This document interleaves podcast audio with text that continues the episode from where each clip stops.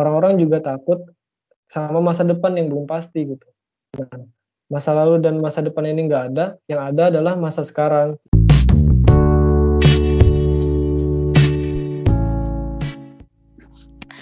Bismillahirrahmanirrahim. Assalamualaikum warahmatullahi wabarakatuh. Kembali lagi di podcast ngobrolin hidup bareng aku Reski dan juga partner setiaku. Halo, partner. Halo. ya, bareng aku Faris. Ya, sama Faris. Gimana Riz? Kabarnya Riz? Alhamdulillah baik ya. Gini lagi disyukuri aja. Kamu gimana nih? Ya, alhamdulillah. Sehat tak kamu? Ya, Sehat fisik, alhamdulillah. rohani, jasmani. Insya Allah. Gimana di COVID di daerahmu gimana nih, Riz? Aman atau udah uh, Pemalang sekarang jadi kayak lebih banyak sih. Cuma tuh kayak uh, nambah. Kayak di beberapa daerah kayak di beberapa kecamatan sekarang ada yang di lockdown kayak gitu. Oh iya? Mm -mm. sekarang lebih ke pasar. Sekarang tuh pasar banyak yang ditutup. Gara-gara oh. pedagangnya ada yang positif kayak gitu.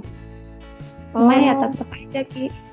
Kayak ya kayak nggak ada gitu lah kewaspadaannya udah kurang ya. Hmm. Di aku Ada. baru hari yang lalu Riz ada yang meninggal di RT ku. RT ku loh. Itu katanya COVID. Selang hmm. satu rumah dari aku. Jadi ya hmm. ya aku tuh nggak nggak update gitu loh info COVID. Soalnya kayak malah nambah takut. Yang penting aku apa ya kayak ya waspada aja cuci tangan pakai masker ke mana-mana pakai hand sanitizer. Sekarang starter packnya kalau ke mana-mana pasti kalau nggak masker hand sanitizer itu nggak boleh ketinggalan sih ya, ya nggak sih? Iya tapi sempat lockdown nggak ki? Ah lockdown? Nggak pernah. Nggak ada. Hmm, itu doang, itu cuma sehari doang terus udah habis itu ya biasa. Kayak nggak ada apa-apa gitu. Iya iya ya. Kita oh ya di sini kita ngobrolnya berdua doang nih. Bosan nggak sih berdua doang dia enggak sih. Hmm, hmm. kita tetap ada narasumber yang ya nanti yang bakalan nemenin kita berdua lah. Bakalan ngulik-ngulik tentang dia. Ya jadi yeah. ada teman kita ya Ki. Namanya Ivan. Teman satu Halo. jurusan di statistika Ya itu suaranya udah kedengeran. semua pendengar nama nama pendengar kalian apa emang? Gak ada. dengar temen ngobrolin hidup pers gitu. Ngobrolin. atau atau itu nggak ada ya? Belum dibikin ya? Belum belum belum belum kepikiran. Halo teman-teman semua pendengar ngobrolin hidup. Ini aku perkenalan atau ini aku perkenalan sendiri atau gimana? Perkenalan monggo ya, kenalan boleh.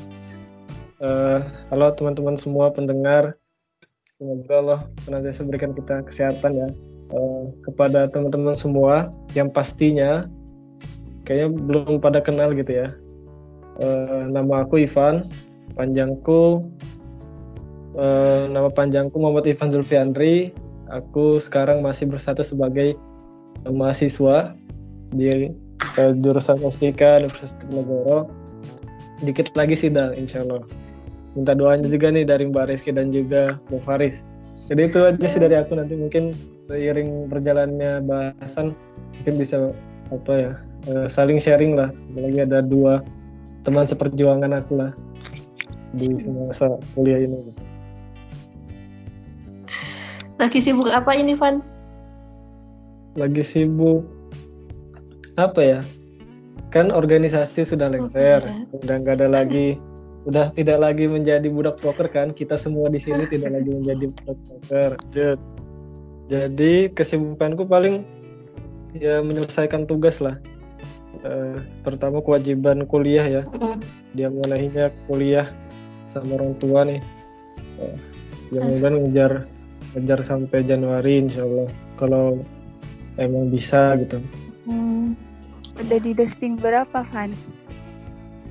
Apanya, Faris? Udah di, udah di dosing berapa? Justru udah di dosing berapa?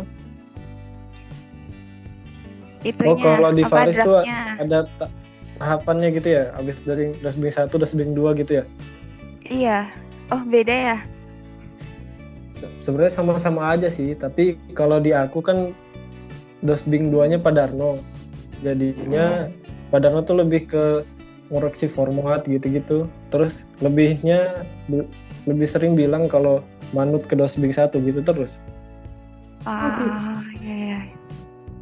jadinya hmm. ya gitu berarti lebih mendalam di dosbing satu ya hmm. sama sih oke semoga dilancarkan ya semoga ya, kalian semoga dilancarkan ya Amin. Amin. Amin. Oh iya, kayaknya ini ya kalau misal dilihat dari track recordmu nih Van kayaknya hmm. kamu sering jadi ketua ini itu terus lomba sana sini ya gak sih? Terus sempat menginisiasi sebuah komunitas juga ya kan? Yang itu yang tanam pahala itu? Iya iya.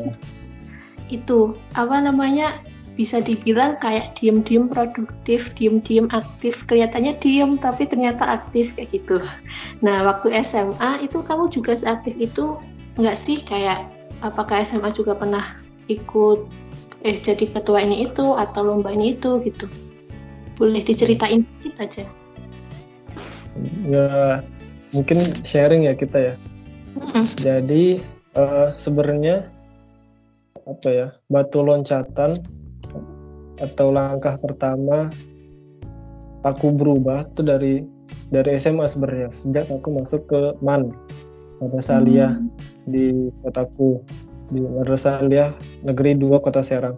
Kalau yang kalau teman kita tuh ada yang namanya Lipi itu kan satu jurusan sama eh satu sekolah sama aku dulu.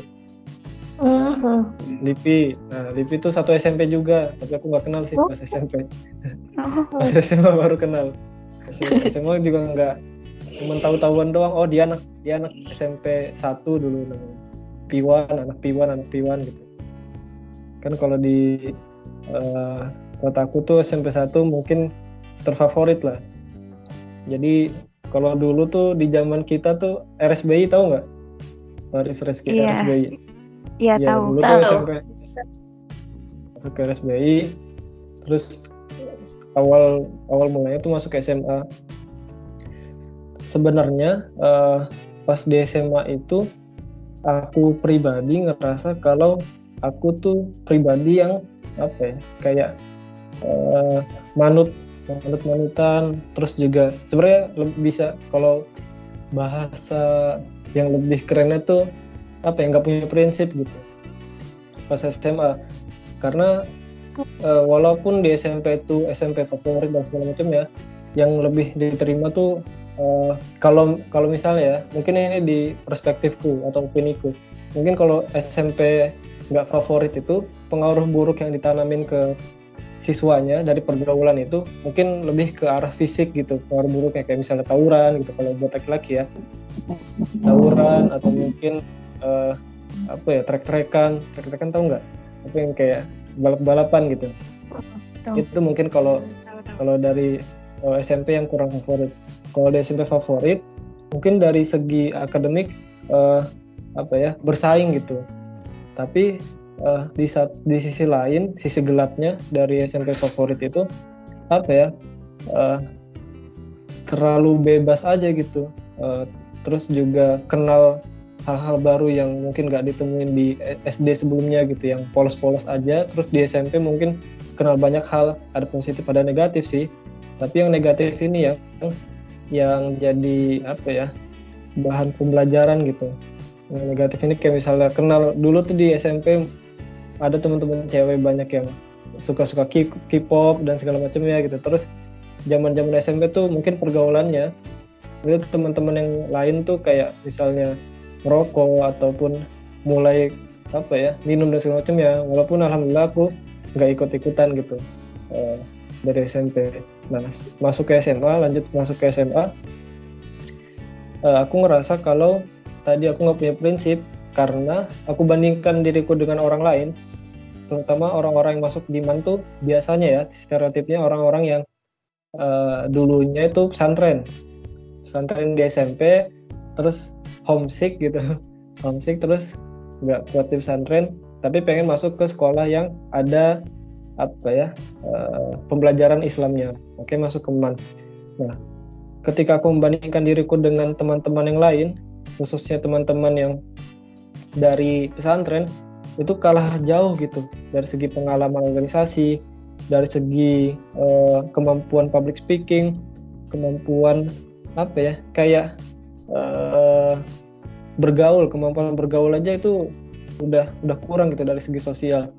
Belum juga uh, yang anak-anak pesantren ini akademiknya juga bagus gitu dari situ jadi membandingkan diri makanya uh, aku coba untuk ikut banyak kegiatan sebenarnya. Dan awal mulanya adalah hari di mana ada ospek kayak pengkaderan kalau di kuliah ya. Kalau di SMP aku tuh ospek. Ada ospek sekolah, terus nanti ada dua kali ospek. Ospek selanjutnya adalah latihan kepemimpinan, kepemimpinan siswa LKS. Latihan kepemimpinan siswa itu kita di Gembleng waktu itu waktu puasa aku ingat banget waktu puasa empat hari tiga malam kita nginep di sekolah ada materi tiap harinya dari alumni alumni alumni alumni man entah yang uh, kerja di Jerman gitu-gitu yang menginspirasi gitu terus juga pengkaderannya cukup keras gitu. Kayak disiplin makan tuh cuman maksimal 7 menit. Terus uh, apa ya? Makan 7 menit terus kalau materi harus harus mendengarkan kalau nggak mendengarkan di semprot-semprot gitu. Ada kayak tim dis tim disiplin di samping-sampingnya gitu ketika materi semprot-semprot pakai semprotan biar tetap bangun. Terus juga malam atau dini harinya tuh ada tahajud gitu gitulah empat hari tiga malam itu. Dan aku di situ sebenarnya ya nggak walaupun aku dari SMP favorit di kotaku masuk ke Man 2 terus ikut LKS aku di hari pertama hari kedua itu nggak punya nyali. Bah bahkan itu nggak punya nyali untuk mengangkat tangan bertanya ke pemateri. Jadi ada kayak poin keaktifan gitu. Ada mentor juga di di LKS-nya yang ngepush kita untuk aktif gitu. Nah bahkan di saking nggak punya prinsip ya atau saking apa ya cupunya di hari pertama hari kedua itu aku nggak berani bahkan ngangkat tangan untuk nanya gitu. Sementara teman-teman yang lain itu jauh di di depanku lah gitu. Maksudnya dari segi pengalaman berani untuk bertanya berani mengemukakan mengemukakan pendapat gitu. Terus berani berekspresi gitu-gitu ada sesi sharing dan semacamnya itu mereka hebat itu. Nah dari situ ini yang kemudian uh, ada salah satu prinsip yang ya aku pegang selanjutnya. Jadi di hari ketiga hari keempat itu aku tanamin ke diri untuk apa ya uh, paling enggak sekali seumur hidup. Mencoba hal-hal baru yang yang emang kita nggak nyaman sih tapi sekali aja nyobain gitu. Nyobain sekali aja nyobain Se seenggaknya selama hidup. Kalau misalnya oke okay, ataupun enak ataupun apa ya nyaman nyaman ngelakuinnya dilanjut. Kalau emang emang bukan tempatnya di sana ya enggak gitu. Jadi di hari ketiga hari keempat itu mulai kayak paling enggak ngangkat tangan itu. Walaupun nggak nggak kepilih juga itu bersyukur banget. Soalnya kalau kepilih grogi. Paling nggak ngangkat tangan. Hari ketiga hari keempat ngangkat tangan doang. Tapi kodarullah nggak dikasih kesempatan untuk nanya. Nah dari situlah mulai belajar kalau misalnya mulai menyadari sebenarnya kalau diri ini cukup banget gitu dibandingkan yang lain. Nah pas di SMA kalau singkatnya sih diringkas tuh masuk ke Rohis dulu. Rismanda eh, tahun pertama tuh jadi ketakmiran. Kalau di SM, SMP tuh eh di SMA di mana tuh namanya eh, apa? DKM nah, DKM kalau di Madani kan ketakmiran terus masuk juga eh nggak masuk sih. Tapi karena aku itu ka kalian tahu Bantara nggak? Pramuka. Tahu. Tahu nggak? Ada yang ada yang tahu Bantara nggak? Tahu tahu. Tahu kan? Tahu. Pramuka. Tahu. nah Pramuka tuh ada masa penerimaan penegak tamu. Nanti kan ada kayak tingkatan selanjutnya tuh bantara gitu kan? Yang ada evolet di apa apa namanya dah apa sih bisa di punggung bukan di punggung di atas punggung tuh apa? Bahu bahu. Evolet yang warna hijau bantara. Oh iya iya iya. Karena aku, uh, udah bantara aku punya iya badge ada badge gitu. Evolet namanya kalau kalau nggak salah. Badge gitu karena aku udah bantara walaupun aku nggak masuk ke dewan ambalan aku sering diajak buat jadi panitia ketika kegiatan pramuka. Nah itu ringkas atau ringkasnya kayak gitu terus di tahun kedua masuk di Rohis tuh aku ditunjuk jadi ketua. Ketuanya itu waduh itu kayak sistem apa ya? Uh, ada kalau di Mandua tuh kan kalau pagi-pagi itu ketua-ketuanya calon ketuanya itu berdiri di depan gerbang. Entah Rismanda entah OSIS MPK dan segala macamnya gitu. Untuk memperkenalkan diri gitu. Terus ada namanya ini calon ketua Rismanda dan dan segala macamnya itu. itu pengalaman pas di SMA tapi pas di SMA tuh enggak nggak jadi ketua satu. Eh nggak jadi ketua umum jadinya ketua satu kayak wakil lah. Karena ada ada tiga ketua. Ketua umum ketua satu kedua dua. Aku dapetnya ketua satu. Dan walaupun di sana itu belum ada kemampuan untuk public speaking aku aku malu banget gitu. Aku merasa kerdil lah kalau mengingat masa-masa SMA gitu. Jadi aku mengisi untuk terus apa ya soft skill gitu-gitu menambah pengalaman gitu sih. Keren ya Van. Perjalanan panjang gitu. Dari yang awalnya ragu terus ke distract gitulah. Kalau kita tuh harus hmm. nyobain terus akhirnya nyoba terus ketagihan. Ya ya gitu sih pas SMA tapi walaupun kalau aku boleh lanjut hmm. pas SMA itu apa ya uh, ada sistem ini per, ini kayaknya pernah aku ceritain di podcast su, su, sukron sih. Nggak uh, tapi nggak apa aku aku sharing lagi ya. Jadi pas SMA itu ada yang namanya uh, unggulan dan reguler. Kayak kelas unggulan misalnya kan IPA kita kan zaman IPA ya bukan MIA ya? Atau Faris sama Rizky udah MIA aku MIPA IPA ya kalau aku IPA sih iya. IPA satu gitu terus kelas 10-nya itu belum belum ada IPA-IPAan masih 10 1 10 2 ya Iya. Iya, ya. masih belum penjurusan. Ya, masih belum penjurusan. Penjurusannya kan kelas 11. nah, ini pengalaman uh, pahitnya menurut aku ini ini masuk ke kalau yang dikasih reski itu ada ada masa kelam. Masa kelamku tuh di situ gitu. Maksudnya ada persaingan yang yang nggak sehat banget gitu. Aku masuk ke 10 1 kelas unggulan pertama uh, pas di Mandua. Tapi kelas kelas itu justru membuat aku punya pandangan miring terhadap akademik dan pendidikan gitu. Uh, karena ada persaingan gak sehat di sana. Takut banget untuk turun dari unggulan ke reguler. Karena pasti aib dong itu kayaknya ya unggulan terus turun ke reguler itu kayaknya. Apalagi ada tekanan dari orang tua terus mungkin ada persiapan untuk masuk kuliah dan segala macamnya. Nah di SMA itu aku masuk ke 10 dan dan kondisinya kondisinya saat ulangan itu itu apa ya kayak neraka banget gitu waktu aku menjalaninya nyontek sana sini gitu. Adalah namanya keluarga M ada kayak kelompok laki-laki saling contek-contekan. Terus antar kelas unggulan dan reguler reguler itu kayak ada link bagi link gitu. Maksudnya bagi link tuh kayak kelas unggulan duluan. Ya ini kelasku ya. Kelasku duluan ulangan terus ada temennya yang kelas reguler minta sebaliknya juga kelas reguler udah ulangan yang sama gurunya kelas unggulan minta dan semacamnya aku di situ posisinya apa ya mungkin uh, terdengar so suci tapi nggak nggak enak lah gitu ngelakuin apa yang emang nggak nyaman gitu. Aku nggak nggak suka kayak nyontek nyontekan dan segala macamnya. Tapi itu yang bikin suasananya itu gelap lah gitu. Kayak neraka waktu ulangan waktu ada persaingan gitu. Sen apa berharap mungkin bukan dia yang yang turun dan segala macamnya. Dari segi akademik makanya aku punya pandangan miring. Apa ya, jadi kayak punya ya mindset. Dan itu tetap aku pegang sih sebenarnya. Tapi ada kayak toleransi toleransi selanjutnya. Jadi orang yang pintar bagi aku tuh bukan kayak yang nilainya gede dan apa ya bisa menguasai semua bidang ya.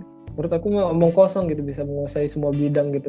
Ranking paralel itu menurut aku mau omong kosong kayaknya. Kayak apalagi kalau sistemnya uh, soalnya itu diulang-ulang gitu tahun lalu ada kisi-kisinya tahun lalu tahun-tahun sebelumnya gitu. Terus di, di digabungin terus dia belajarnya itu doang.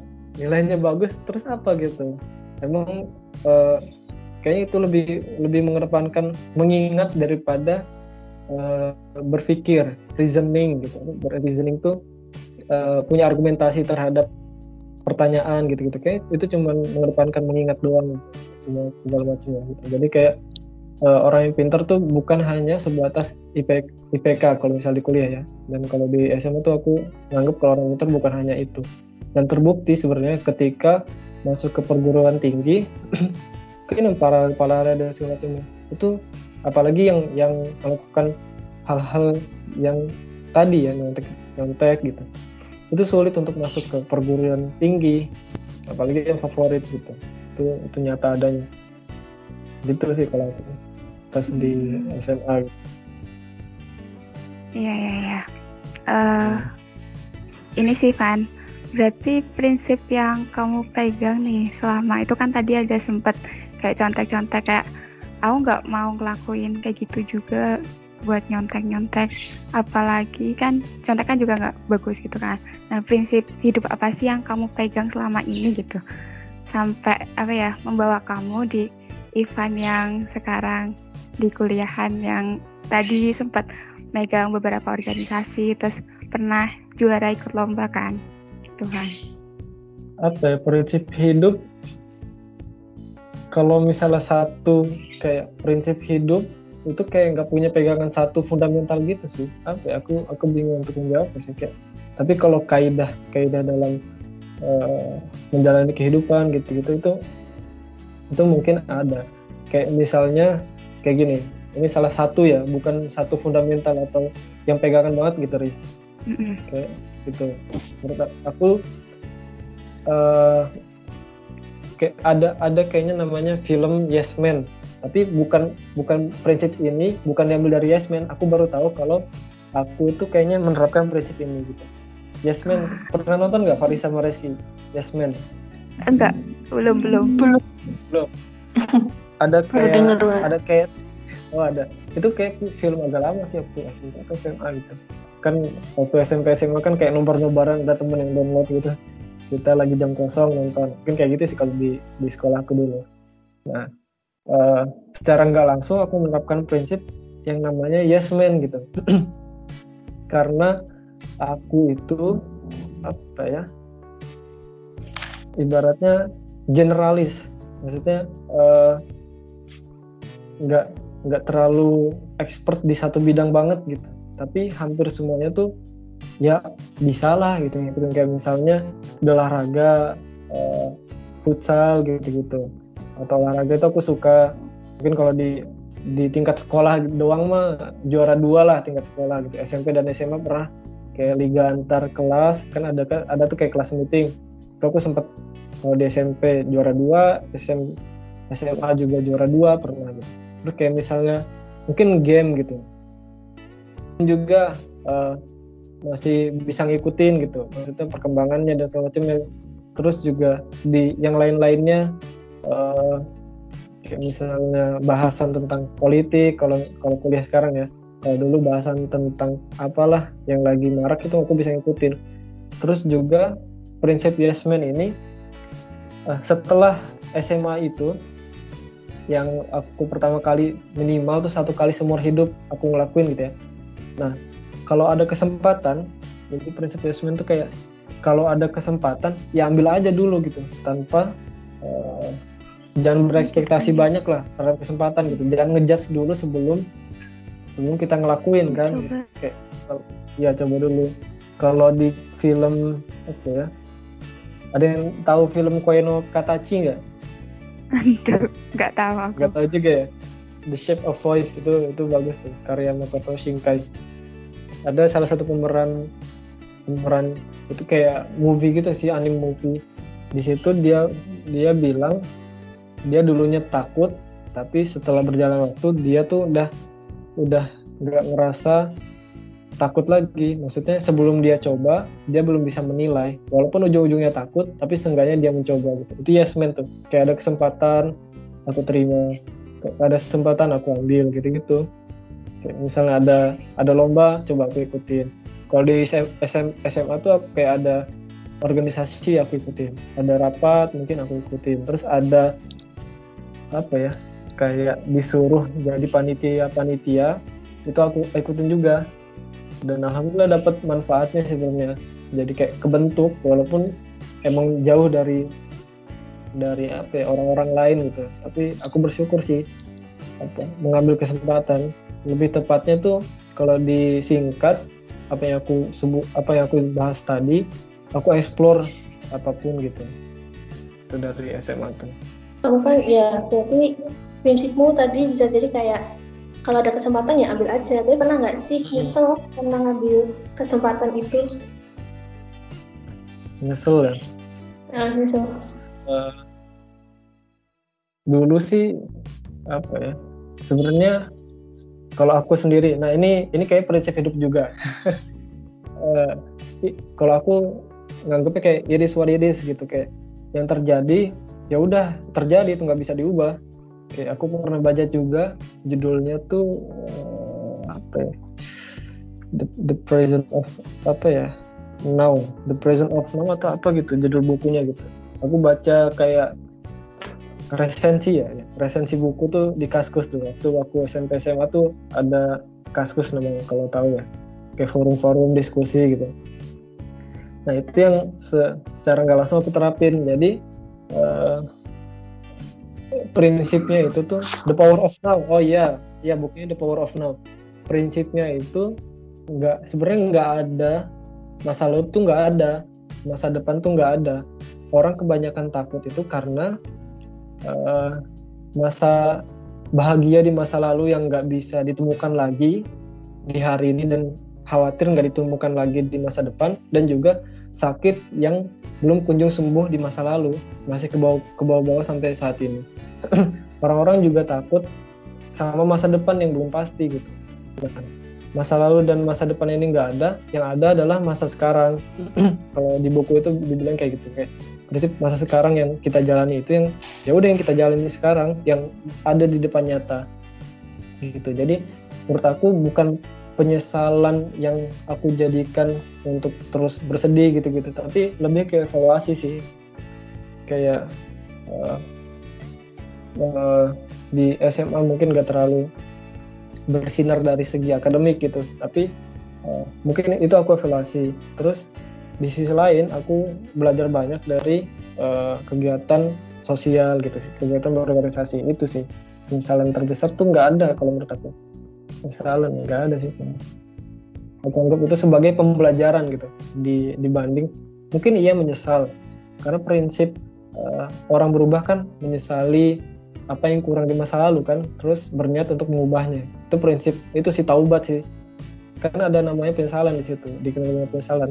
Tapi setelah itu kan adanya pembelajaran setelah pengalaman itu uh, di, dilewati gitu berarti nggak ada ini yang nggak ada penyesalan terbesar gitu dalam hidup. Nggak ada oke mantap. Nah berarti kamu kan tadi udah punya prinsip yang kuat tuh. Tapi apa ya kayak habits atau kebiasaan apa sih yang bisa kau pertahankan? Di mana kan namanya kalau berprinsip kadang bisa naik turun kayak gitu. Tapi kan ada nggak sih habits yang kamu pertahankan sampai kamu ada di titik ini kayak gitu habits ya. Hmm. kalau se seperjalanan hidupku ya walaupun aku belum tua-tua banget masih 22 tahun uh, prinsip atau kebiasaan ke, ke, kebiasaan aku tuh berubah seiring berjalannya waktu dan seiring bertambahnya pengalaman dan juga ilmu gitu. Kayak mungkin dulu tuh kebiasaannya apa hobinya apa sekarang tuh beda gitu. Tapi yang akhir-akhir ini aku coba jalani habits uh, dan kemudian aku coba research juga cari tahu juga mendalam tentang habits tuh